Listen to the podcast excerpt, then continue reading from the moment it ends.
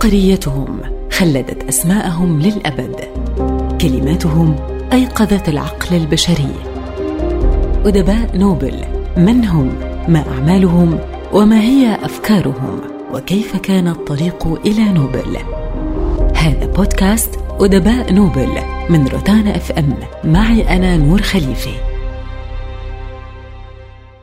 في هذه الحلقة سنسافر معكم في رحلة سرياليه بين أزهار الخوخ والكرز اليابانية وحروف الشعر البوذي رحلة محفوفة بالحزن والجمال مع الكاتب الياباني ياسوناري كواباتا. أيها الأب والأم اللذان جعلا مني ابن جده أنا من يتأرجح في العالم الفاني. ألم تورثان دما طاهرا؟ لا أحد في العالم خليق بإغراق في نشوة العدم أكثر منكما. أيها الأب والأم ارقدا بسلام. أنتما الميتان دون أن تتركا لابنكما الوحيد اية وسيله ليتذكركما. ولد ياسوناري كواباتا في عام 1899 في مدينة أوساكا اليابانية.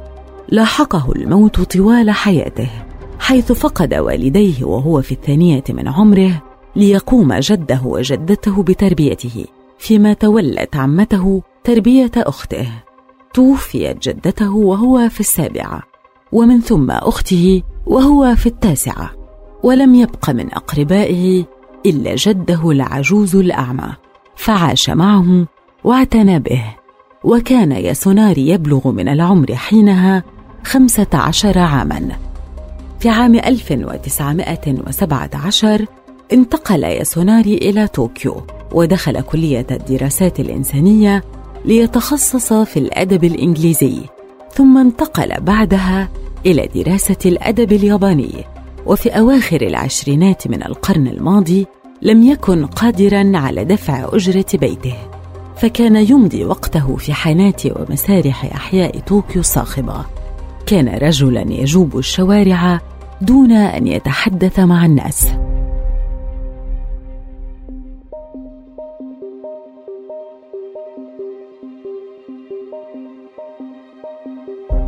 أسس مع مجموعة من الكتاب مجلة الأدب المعاصر التي كانت بمثابة ثورة على المدارس الأدبية اليابانية القديمة مثل المدرسة الواقعية التي كانت مهيمنة في تلك الفترة على الأدب الياباني وثارت المجلة على أدب العمال أو المدارس الاشتراكية الشيوعية كما عمل كواباتا كمراسل صحفي في صحيفة ماينيتشي شيمبون.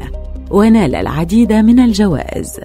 عندما كان ياسوناري في سن الواحد والعشرين أغرم بحبيبته تشيو التي كانت في الخامسة عشر من عمرها. كان ينوي الزواج بها فقام برحلة من أجلها إلى الشمال المغطى بالثلوج لطلب يدها ولكنها قطعت علاقتها به من دون أسباب واضحة. واكتفت بكتابة رسالة له قالت فيها إن كارثة قد حلت ولا تستطيع الزواج منه. هذه الخسارة كان لها أثرا كبيرا في حياته وأعماله الأدبية. جمعته بالكاتب الياباني كيو ميشيما علاقة عميقة وكان بمثابة معلمه ومثله الأعلى. ولعل الشاهد على ذلك المراسلات التي استمرت بينهما لأكثر من 25 سنة إلى أن انتحر ميشيما عام 1970 بعد فشله في قيادة انقلاب عسكري لاستعادة سلطات إمبراطور اليابان على طريقة السيبوكو وترك رسالة لكواباتا تلاها الأخير في مأتمه. وعندما صدرت هذه المراسلات أثارت جدلا كبيرا بين الأدباء والنقاد. واعتبر البعض أن هناك علاقة ملتبسة بين الرجلين. ولمح مقدم كتاب المراسلات ديان دو مارغري إلى أنهما كانا مثليان جنسيا كواباتا الذي كان لديه موقفا متحفظا من الانتحار وهو الذي قال مهما كانت حالة الاغتراب التي يبلغها المرء فإن الانتحار ليس شكلا للتجلي وحتى لو بدا الإنسان الذي ينتحر جديرا بالإعجاب يظل بعيدا عن بلوغ ملكوت القدس.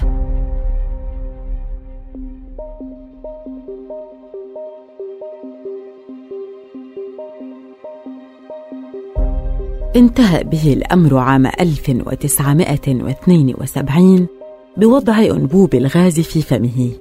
انتحار هادئ يشبه انتحارات شخصيات رواياته رحل كواباتا كساموراي منهك دون أن يترك مقطوعه شعرية أو كلمة يقول لنا فيها أنه سيغادر عالمنا. عاش ورحل كأسطورة يابانية غامضة. وعن أسباب انتحاره قال البعض أنه تأثر بانتحار تلميذه يوكيو ميشيما. ورأى البعض أن سبب انتحاره كان شعوره بالفشل في تجنيب اليابان الدخول في الحرب العالمية الثانية ومأساة القنبلة الذرية. فكان الموت اختناقا كنوع من التكفير عن الذنب. إزاء حياته الأليمة وجد كواباتا عزاءه في الأدب وسيطرت الوحدة والموت على كتاباته. حاول أن يجد في الكتابة مكانا آخر يجد فيه حياة يعيد رسمها بطريقته. فكتب عن موضوعات الحياة بكل قساوتها ووضع لها خلفية من عناصر الطبيعة مع لفحة سريالية. تكلم عن الوحدة والموت والحب والخيبة ومزجها بالجمال. جمال المرأة والطفولة والطبيعة. لتظهر لنا الحياة في كتابات كوباتا كلوحة ممزوجة بالقسوة والجمال.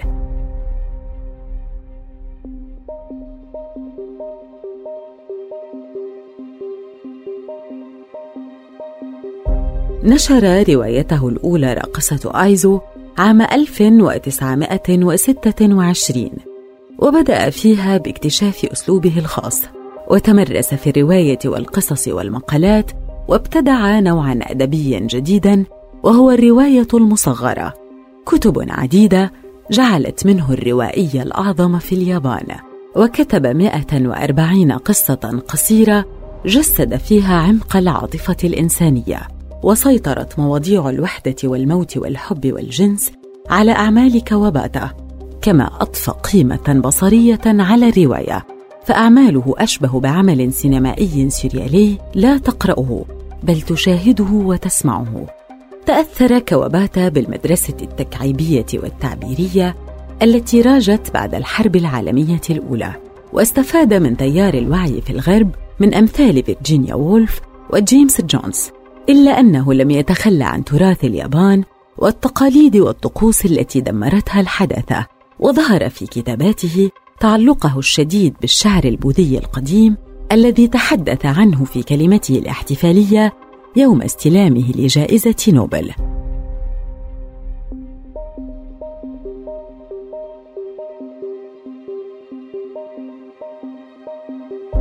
بين تقلب حالات الطقس وتبدل فصول السنة تتبدل المشاعر وتتغير طبيعة العلاقات الإنسانية معها. في قرية بلد الثلج حاكى كواباتا أحداث روايته بلاد الثلج. على متن رحلة من العاصمة طوكيو إلى بلد الثلج شق شيمامورا الثري طريقه تاركا حياته الزوجية وراءه. وهناك تعرف على كوماكو ابنة معلم الرقص. كان الفصل ربيعا وكانت كوماكو شابة طفولية تشبه ورود الربيع في بلد الثلج. ومع تفتح زهور الربيع تتفتح صفحات العلاقة بين شيمامورا وكوماكو إذ يرى شيمامورا أن لديها صفة الطفولة التي تقتحم الشباب وأنها طفلة شابة يتوجب عليه حمايتها بينما تترك كوماكو أحاسيسها وعواطفها أثيرة له. استطاع كواباتا ربط الطبيعة وتغيراتها على النفس البشرية وتأثيرها على المشاعر الإنسانية. وكان هذا جليا في شخصيات روايته فعندما ذبلت زهور الربيع وتعرت الأشجار من أوراقها بدأت مرحلة جديدة بين الطرفين وهي مرحلة الابتعاد. ومع مرور الفصول وعودة شيمامورا إلى بلد الثلج للقاء كوماكو وجدها قد تبدلت لتصبح امرأة ناضجة ذات شخصية قوية ومستقلة. رامية بكل المشاعر التي كانت تسيطر عليها سابقا لعلمها بكذب وخداع شيمامورا فيدخل الأخير في مرحلة الفتور وتتبدل أحاسيسه تجاه كوماكو. وعندما تفرض برودة الشتاء هيبتها يكون قلب شيمامورا قد أصبح مظلما وباردا. وتتهاوى كل المشاعر المشتركة التي كانت تجمعهما. وتتجلى الصور الواقعية والحقائق البحتة بداخلهما ويخلصا إلى واقع أنه رجل مدني وهي فتاة ريفية ولا يجمعهما شيء.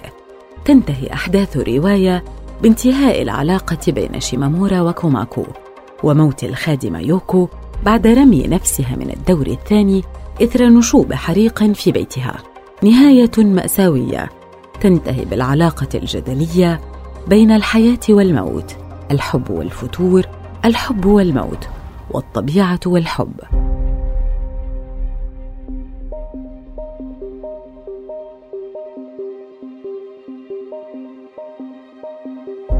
عن رائعته رواية الجميلات النائمات والتي قال عنها ماركيز الكتاب الوحيد الذي وددت أن أكون كاتبه هو الجميلات النائمات لكواباتا. تأخذنا هذه الرواية في رحلة مليئة بالمشاعر الإنسانية لعجائز أرادوا التمتع بأنقى أنواع الحب إلى جانب فتيات منومات. رواية تعري لنا قسوة الشيخوخة أمام جمال الشباب والحب. بين كواباتا في روايته الجميلات النائمات أن كل نوع من اللا إنساني يصبح مع الوقت انسانيا. إن الرحلة الفانتازية التي يذهب فيها الشيوخ في منزل الجميلات النائمات قاسية ومؤثرة. إنهم وهم يستلقون بجانب الجميلات اللواتي لا يشعرن بشيء يتذكرون قوتهم المفقودة. كم تمنينا في لحظات معينة شعرنا فيها بالإحراج أو العجز أن نصبح غير مرئيين وهذا ما يضمنه منزل الجميلات النائمات. تجربة تسمح للكهول أن يسترجعوا ذاكرتهم. ويتحسسوا الجمال ويبكوا عجزهم أمام جمال صامت غارق في حلم من دون أحكام ولا نظرات فقط عيون مغلقة وصمت. العلاقة بين العجائز والجميلات النائمات هي علاقة تخيلية فقط بعيدة كل البعد عن الممارسة الفعلية. فقضاء ليلتهم إلى جانب جميله نائمة تسمح لهم بالذهاب بذاكرتهم إلى لحظات لذة عاشوها في حياتهم. لحظة يصبح فيها الخيال وحده قادرا على إعادة الحياة.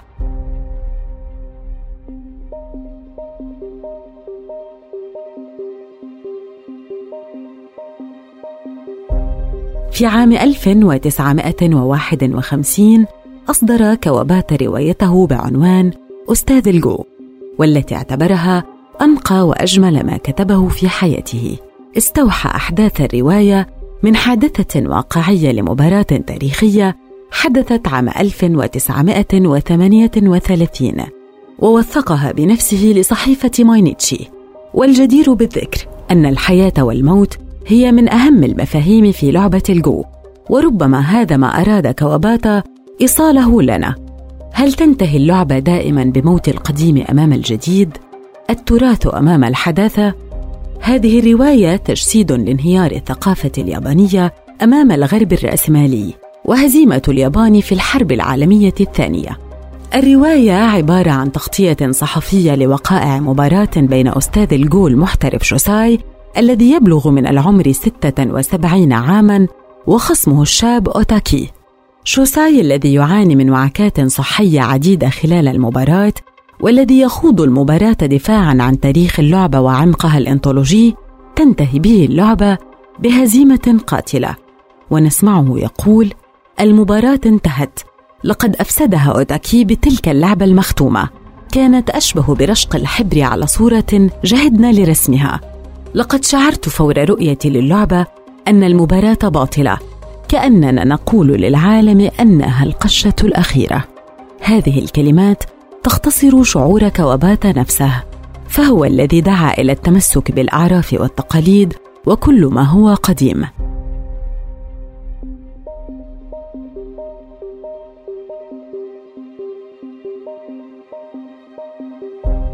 عندما بلغني خبر موتك ارتجفت من الخوف ورغبت بشدة في أن أتحول إلى زهرة برية. إن فيلق جنود الروح المحتدم الذي تنخرط فيه أرواح هذا العالم والعالم الآخر يحارب أنماط تفكير أولئك الذين باعدت بينهم الحياة أو فرقهم الموت ويمد جسرا رابطا بينهم ثم يقضي أخيرا على الحزن الذي ينشره الموت في هذا العالم. هذا ما يؤكده مناجو الأرواح ومع ذلك عوض أن أتلقى إشارات الحب القادمه من بلد الروح وعوض أن أعيش عاشقة أبدية في المستقبل. أفضل أن أصير من أجلك زهرة خوخ قرمزية وعندئذ ستجمع بيننا الفراشات التي تجرس غبار الطلع. ولن أعود بحاجة إلى الابتهال للموتى وفق التقليد المحزن للأحياء. بهذه الكلمات ترثي الحبيبه المفجوعه حبيبها الراحل في رواية راقصة آيزو والتي تمنت أن يخلدا معا كزهرة خوخ حيث أن أزهار الخوخ في اليابان ترمز إلى الخلود. وفي روايته هذه تناول كواباتا مفهوم العشق الصوفي التعلق والفقدان والخوف من الموت. ويقول النقاد أنه كتبها بعد تجربة قاسية حيث أنه أحب فتاة كانت تبلغ من العمر خمسة عشر عاما وخسرها. منح كواباتا جائزة نوبل في عام 1968 لأسلوبه القصصي البارع الذي يعبر بحساسية عظيمة عن جوهر الفكر الياباني. كواباتا المحب للعزلة والذي اكتفى بالفن لأجل الفن وابتعد عن الظهور الإعلامي. قال ذات يوم إن الشهرة لا تجلب سوى التفاهة والخواء القاتل وتخترق حياة الكاتب على نحو غير إنساني. حين هاتفوه لإبلاغه بنبأ فوزه بجائزة نوبل رد بكل تواضع. قد لا أكون جديرا بالجائزة ففي اليابان أدباء أفضل مني وأنا لم أنجز كل مشاريع الأدبية بعد. لكن على أي حال أنا سعيد بها. ولتعلقه الكبير بالأصالة والأعراف اليابانية حضر حفل تسلم جائزة نوبل بالزي الرسمي الياباني الكيمونو. هذا بودكاست أدباء نوبل من روتانا أف إم. معي أنا نور خليفه